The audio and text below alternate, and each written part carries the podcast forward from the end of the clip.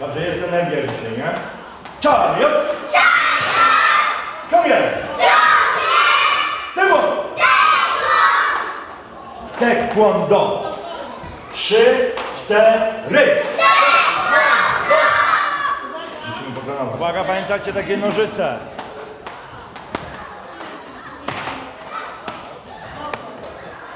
Próbujemy. Taekwondo, czyli te stopa albo kopnięcie, kłon, pięść bądź rozwalenie czegoś pięścią i do droga życia.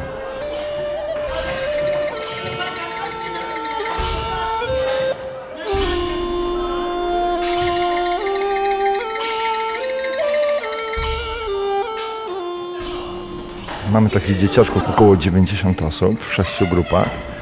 Są to dzieci w wieku między 4 a 6 lat. Nazywamy te zajęcia Taekwondo Tigers, TKD Tigers tak naprawdę. I znaczy to dokładnie jakby po angielsku Total Kids Defense. I tak naprawdę dzieciaczki tutaj uczą się około 10% taekwondo. Jakiegoś nazewnictwa, zaciskania pięści, jakiegoś prostego kopnięcia, kilku bloków, a tak naprawdę 90% zajęć to, to zabawa i nauka tak zwanych umiejętności życiowych. Na przykład jak e, zachować się w przypadku zastraszania, jak zachować się w przypadku no, niebezpiecznych ludzi, o których czasami słyszymy w mediach, że no, potrafią dzieciom zaszkodzić, No powiem szczerze, tutaj akurat ja przetrenowałem, nie wiem, 15 albo 16 lat, już nie, nie pamiętam.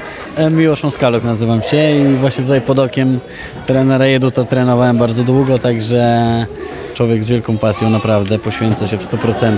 Całe życie poświęcone taekwondo i przyznam, że robi to bardzo dobrze i to tak szacunek i podziw jak najbardziej. A teraz z dzieckiem pan trenuje? E, Z dwójką nawet, tak. Przychodzą tutaj moje dzieciaki na tygryski.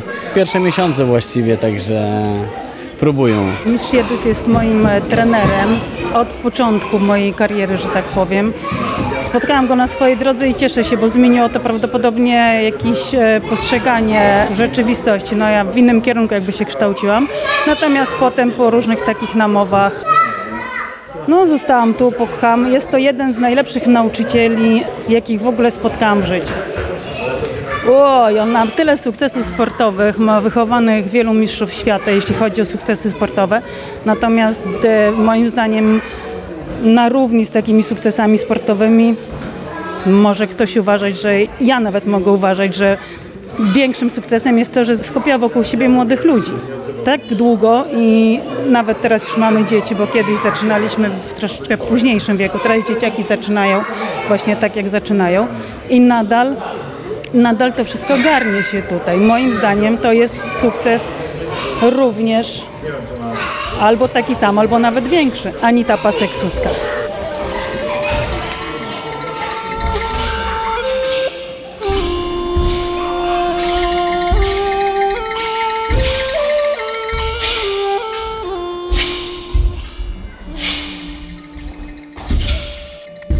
W Lubartowie, w naszym pawilonie sportowym przy ulicy Krzywe Koło 34A. E, Ten pawilon też ma swoją niezłą historię, właściwie to chyba niedokończoną. Jak ona się skończy, to zobaczymy. Miejmy nadzieję, że jakiś rodzaj zdrowego rozsądku tam przeważy. Trenujemy my jako taekwondo tam od e, początku lat 90., ale oczywiście pawilon ma dłuższą historię. Mm, Powstał w 78 roku. Najpierw tam mm, tenis stołowy zagościł, który też ma swoje sukcesy spore w Lubartowie. Potem myśmy dołączyli do nich, no i teraz współdziałamy w ramach jednego klubu. Dzielimy się tą salką. Powiem tak, ciekawostka. Bardzo, bardzo wiele osób przyjeżdża do nas z zagranicy. Bardzo, bardzo. I to naprawdę z kompletnie dalekich zakątków, jak Nowa Zelandia, Argentyna i tak dalej. Ci ludzie czasami zostają miesiąc, czasami kilka miesięcy. Powiem o takim Wajliczyku, który przyjechał swoim kolegą do Lubartowa. To już było na początku lat 2000. Został z nami, trenował pół roku i wywiózł żonę stąd. Y, Ta żona już jest z nim tam długo, mają dzieci. Niedawno miałem okazję, się często z nim widuję, ale miałem okazję ich wszystkich spotkać na zajęciach właśnie u mnie w Lubartowie, bo jedno z tych dzieci trenuje taekwondo. Takie jak gdyby wspomnienia z tym pawilonem. A pawilon, nazywam pawilon, ale tak naprawdę w potocznym języku nazywamy go barakiem. Bo wygląda trochę jak barak. Y, Nie będę mówił jak pachnie, bo nie wiem, w radiu niby nie da się tego poczuć, ale może być, że my przyzwyczailiśmy się i kochamy ten zapach, innych on szokuje, ale po jakimś czasie rozumieją, że, że chyba, nie wiem, to jest taki zapach pracy i potu i nie wiem czego tam jeszcze. Ostatnio niestety jest to walka o to, żeby, żeby ta sala była przy nas. Jak będzie ostatecznie, wierzę zdrowy rozsądek tych ludzi, którzy, którzy tym zawiadują, że, że ciągle będziemy mogli tam trenować i że pewnego dnia ten barak trochę się zmieni, będzie mniej wyglądał jak barak, a, a bardziej jak profesjonalna sala. Robimy co możemy w tej materii.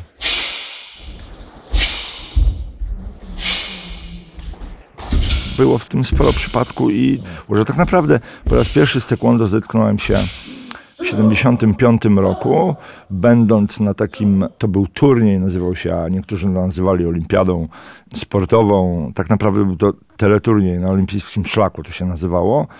Wygrałem w swojej szkole taką eliminację z wiedzy o sporcie. Potem em, powiatowe zawody wygrałem i trafiłem do takiej dwudziestki najlepszych jakby w województwie. To byli już naprawdę niesamowici profesjonaliści, oczywiście dorośli również ludzie też. Pamiętam tylko to, że różne kolorowe pasy były i że ci ludzie skakali, że to było bardzo dynamiczne. Aż tak bardzo nie ujęło mnie to w tym miejscu. Ale kiedy trochę podrosłem, że się tak wyrażę, wtedy miałem 15 lat, do, do polskiej telewizji ze sprawą nieżyjącego redaktora sportowego Tomasza Hopfera, który propagował bieg po zdrowie, trafiło karate. A mianowicie po raz pierwszy, z tego co mi wiadomo, po raz pierwszy w polskiej telewizji, w takim oficjalnym wywiadzie i pokazie, pokazali się ludzie z karate. To był rok 77. No strasznie mi się to spodobało. Wręcz, no bardzo, bardzo i postanowiłem w jakiś sposób e, zbliżyć się do tego. W pierwszym roku ten mój zapał jakoś tak nie był na tyle silny, żeby dojeżdżać z Lubartowa do Lublina, ale, ale w kolejnym roku razem z kolegą postanowiliśmy pojechać do Lublina. Przeczytaliśmy takie ogłoszenie w kurierze lubelskim, zapisy na karate, jakoś tak, TKKF Motor i tak dalej. Pojechaliśmy na ulicę Przyjaźni, tam chodziliśmy, w tej ulicy dotarliśmy do miejsca, była pani, nawet pamiętam jej nazwisko, która przyjmowała te zgłoszenia i mówimy, że chcemy się zapisać na karate, a pani mówi, że to jest taekwondo, nie? A ja mówię, to jest niemożliwe, ponieważ e, w kurierze wyraźnie było napisane na ostatniej stronie, że to jest karate. A pani mówi, to to samo, to taekwondo to to samo. No, ja tak nie uważałem i zrezygnowaliśmy. Poszliśmy szukać, czy przypadkiem nie jest tak, że myśmy miejsce pomylili i może gdzieś obok jest inne biuro, które ewentualnie no, nas wpisze na listę na karate. No i chodziliśmy, ale oczywiście na ulicy Przyjaźni, to nie jest tak wielka ulica, więc nic więcej nie znaleźliśmy. I wróciliśmy myśląc, że być może tej pani już na dyżurze nie ma i będzie ktoś bardziej kompetentny. No ale pani niestety była, st- stety albo niestety, była, pojawiła się znowu i my ciągle, proszę pani, no tu jest wyraźnie napisane, my chcemy właśnie tu. A pani mówi, nie, to jest taekwondo. No to my w takim razie nie zapiszemy się. Ale słuchajcie chłopaki, no to jest takie koreańskie karate. I jak padła to magiczna nazwa karate w tamtym momencie, tak oczywiście bez namysłu wpisaliśmy się na tę listę, bo to był czerwiec 79 roku i potem, potem po prostu no już czekaliśmy na pierwsze zajęcia, które się w październiku odbyły z panem Jerzym Kozłowskim, e, to mój trener pierwszy. No i tak to się zaczęło. Wtedy dwa razy w tygodniu, potem trzy razy w tygodniu. No i przez wiele, wiele lat. Aczkolwiek muszę przyznać, że ponieważ był taki boom na, na sztuki walki i, i Bruce Lee i różne inne, były takie, pamiętam, że były też, bardzo tak wzmocniło mnie, że się tak wyrażę, były takie dni kultury japońskiej w Lublinie i tam w ramach tych dni filmy e, pokazywano japońskie i, i był taki film e, Dynamiczne ciosy mistrzyni karate.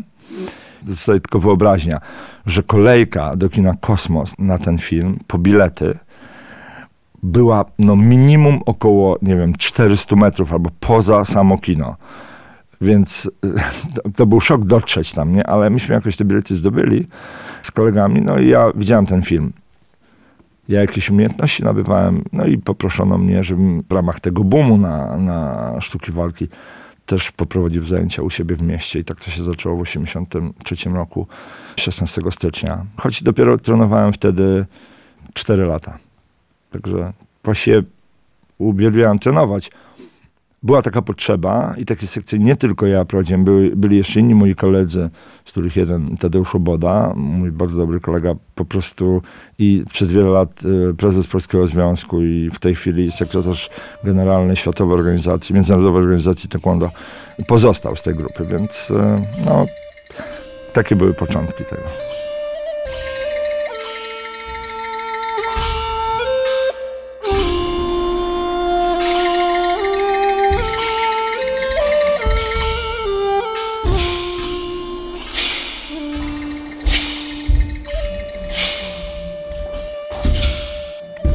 Chyba najbardziej to, co mnie przyciągało, to, to nabycie jakiejś umiejętności samoobrony i bycia jakimś wyjątkowo zaradnym w takich sytuacjach zagrożenia, potencjalnych sytuacjach zagrożenia. Nie wiem, może jakieś marzenie o, o, również o, o takich no, ponad naprawdę przeciętnych umiejętnościach bo to naprawdę była magia. Nie było internetu. Teraz wszyscy wszystko wiedzą. Większość jakby oszukuje, skacząc po jakichś górach, drzewach i tak dalej, e, robiąc triki różne. Wtedy zobaczyć coś takiego na żywo, to było coś naprawdę ujmującego i takiego piorunującego nawet można byłoby powiedzieć.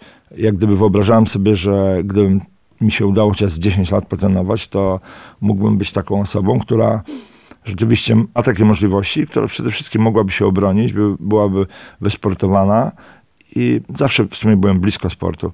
No ewentualnie nawet mogła udzielać pomocy, jeśli, jeśli by taka potrzeba zachodziła. No rzeczywistość była taka, że było nas w grupie 70 osób.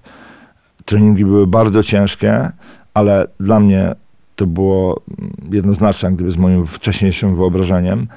Dojeżdżałem tutaj, wracałem do domu często o godzinie 23 z minutami, ostatnim autobusem takim do Lubartowa.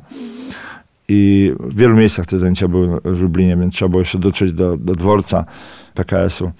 Myślę, że z perspektywy czasu to nie jakaś szczególna magia, która pozwoliła by, e, nie wiem, być jakimś, w cudzysłowie chociażby mówiąc, ponad człowiekiem, ale właśnie ta surowość tego, z czym spotykałem się na sali, jak, jak gdyby przekierowała moje myślenie na pewną taką siłę i, i stabilność charakteru. To znaczy, że to, z czym spotykaliśmy się, co ćwiczyliśmy, bardzo wpływało na tę siłę bo przecież nie było to na pokaz, nikt tego nie oglądał, nigdzie tym nie chwaliliśmy się, robiliśmy to sami dla siebie, ale rosło w nas poczucie, mówię o całej grupie, że jesteśmy jakby mentalnie szczególnie silni. Takie jak gdyby hartowanie ducha poprzez hartowanie ciała. Powoli takie myślenie jak gdyby dochodziło do dominacji takiej.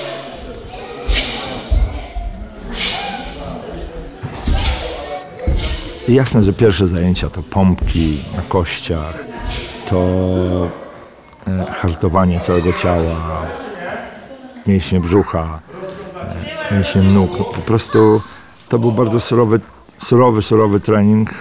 Myślę, że jeśli chodzi o metodykę, zupełnie jak gdyby nie przystawał do tego, może nie zupełnie, ale bardzo często nie przystawał do, do pewnych zasad, które tym powinny rządzić ale dawał też coś unikalnego, bo taka grupa 70 osób w miarę dorosłych, mm, kiedy stało się w parze z jedną osobą, z drugą, nie patrzyło się partnerowi naprzeciwko w oczy z uległością, nie? Po prostu każdy chciał dać siebie maksimum i jeszcze lepiej, żeby nie być w tej parze gorszym po prostu.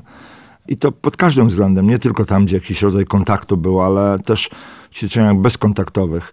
Jeśli trzeba było zrobić tak zwanych brzuszków 200, a nawet zdarzało się 300, to no, było to ciężkie, e, szczególnie na początku, no ale nie chciał być człowiek tym, który zaprzestanie albo ominie.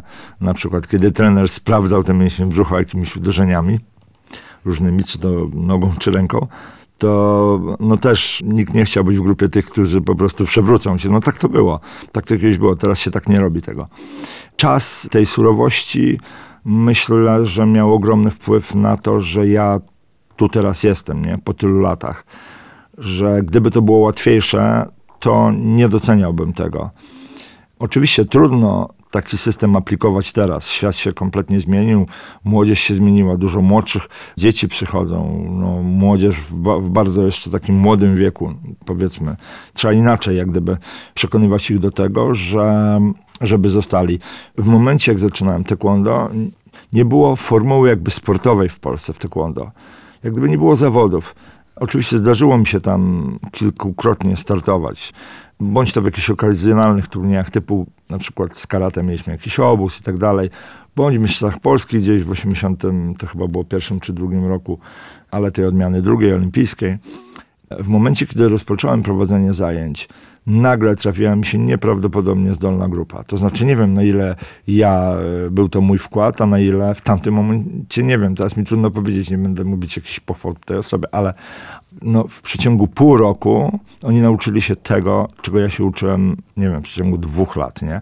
To ma swoje to plusy, ale też ma swoje minusy. E, byłem tak oczarowany jak gdyby tym, że to działa, nie? że ta linia, ta łączność między nami jest bardzo dobra i potem kolejne osoby i kolejne osoby i nagle okazało się, że ten klub z mojego miasta, jakby, czy ta sekcja w tamtym momencie, która reprezentowała Lublin nawet, w tamtym momencie, ma takich przedstawicieli, którzy zaczynają być znani. Nie było zawodów taekwondo, gdzieś tam w kickboxingu wystartowaliśmy kilka razy. Potem zawody taekwondo się pojawiły, potem Polski Związek się pojawił i e, uznanie nas przez e, Ministerstwo Sportu, czy jako normalny sport.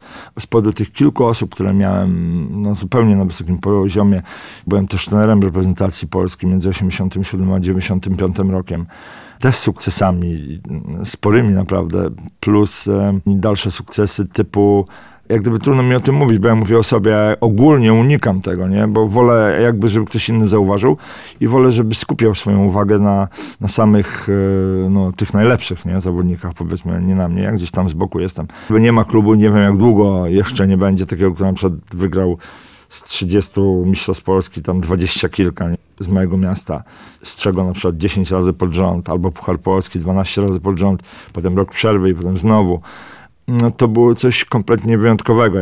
Mogę taką ciekawostkę podać. W 1997 roku na Mistrzach Polski, gdzie było do rozdania, bo to są zawody drużynowe, indywidualne, i kobiet, i mężczyzn, do rozdania 24 komplety medali jest.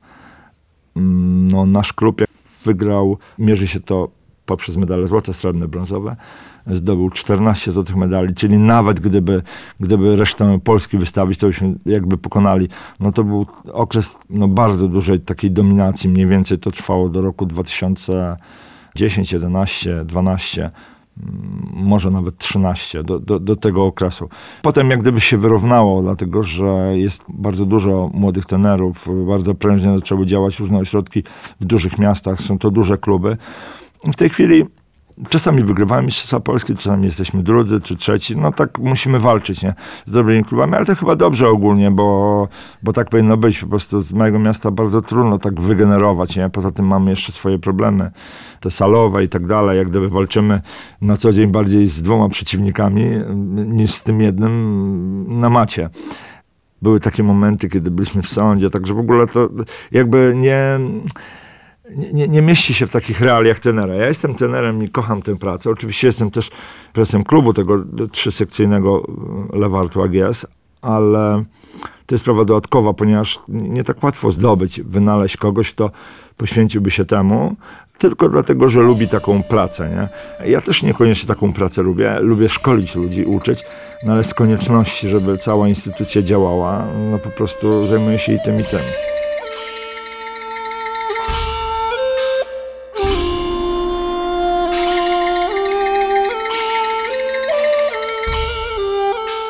Ja prywatnie nigdy nie myślałem, że to, czym się zająłem, doprowadzi mnie do takiego miejsca. Nawet nie myślałem, że to może być w 5%. Długo się tym zajmuję, mam też odpowiednią ilość lat i czasami myślę po prostu, tak? czasami ktoś zada mi pytanie, więc muszę jak choć trochę znać, jak gdyby odpowiedź na to pytanie. Otóż tak, ja skończyłem zwykłą szkołę średnią, technikum elektroniczne w Lubartowie Zawsze oczywiście byłem bliżej sportu, więc w końcu skończyłem też AWF. Znaczy doszkalam się na różne sposoby, mam dyplom na pierwszej klasy, ale to jest w związku z moją działalnością. To nie jest tak, że w tamtym momencie sytuacja rodzinna nie pozwoliła mi e, uczyć się dalej po szkole średniej, ale potem to nadrabiałem, a jak gdyby motorem do tego było to, czym się zajmuję. Ale w czasach, kiedy ja wyjeżdżałem za granicę, właściwie byłem jedyną osobą, która mówiła po angielsku i no, rosyjskiego każdy się w tamtym czasie uczył, więc ja też mówię po rosyjsku. Sporo z tego zapomniałem, ale z kolei sytuacja teraz, która jest taka, że ja w sumie jeżdżę, no, mam ogromną ilość wyjazdów za granicę i zapraszają mnie do prowadzenia różnych szkoleń no, powoduje, że muszę y, szybko i biegle mówić tymi językami. No i ogólnie, przynajmniej w zakresie, szybko i biegle mogę po- potwierdzić, przynajmniej w zakresie tematów, w którym ja się poruszam, nie? ale ogólnie naprawdę jest z tym nieźle. Nigdy być może nie byłbym zmotywowany do takiej nauki, gdyby nie taekwondo. Gdyby ktokolwiek, kto jest z zewnątrz, zobaczył, jakie są relacje między ludźmi tam, jaka jest kultura, jaka jest etykieta, to nie jest na pokaz, tylko to jest autentycznie szczere, to naprawdę by go to ujęło. Mnie to dotyka ciągle, ponieważ jeżdżąc, teraz mam wyjazd za tydzień, to Gwatemala, Meksyk, Stany, Honduras i Kuba po raz kolejny. Dwa razy do roku wyjeżdżam na takie właśnie tournée gdzieś po, po tournée, to może tak sobie powiedziałem, to się nazywa Fujime Tour, to jest takie seminaria szkoleniowe. Jeżdżę do, do różnych innych krajów gdzieś tam dosłownie Nowa Zelandia, Wyspy Kuka, nie wiadomo gdzie. To nie jest takie oczywiste, że normalna o- osoba taka przeciętna, która gdzieś tam ma pracę taką zwykłą, że tak może jakby podróżować. To wszystko dzięki taekwondo, nie? Dzięki zarażeniu się tą pasją i nie wiem, na pewno odrobinie jakiegoś myślenia, szczęścia, dokładnie mam taką samą energię jak kiedyś, jak zaczynałem, jeśli chodzi o prowadzenie zajęć. Nie takie fizyczne możliwości jak kiedyś, ale ciągle nie jestem źle. Ale mam taką samą energię. Nie ma znaczenia, czy uczę czegoś, co jest na poziomie zupełnie podstawowym i robię to w grupie z dziećmi, czy w grupie z profesjonalistami.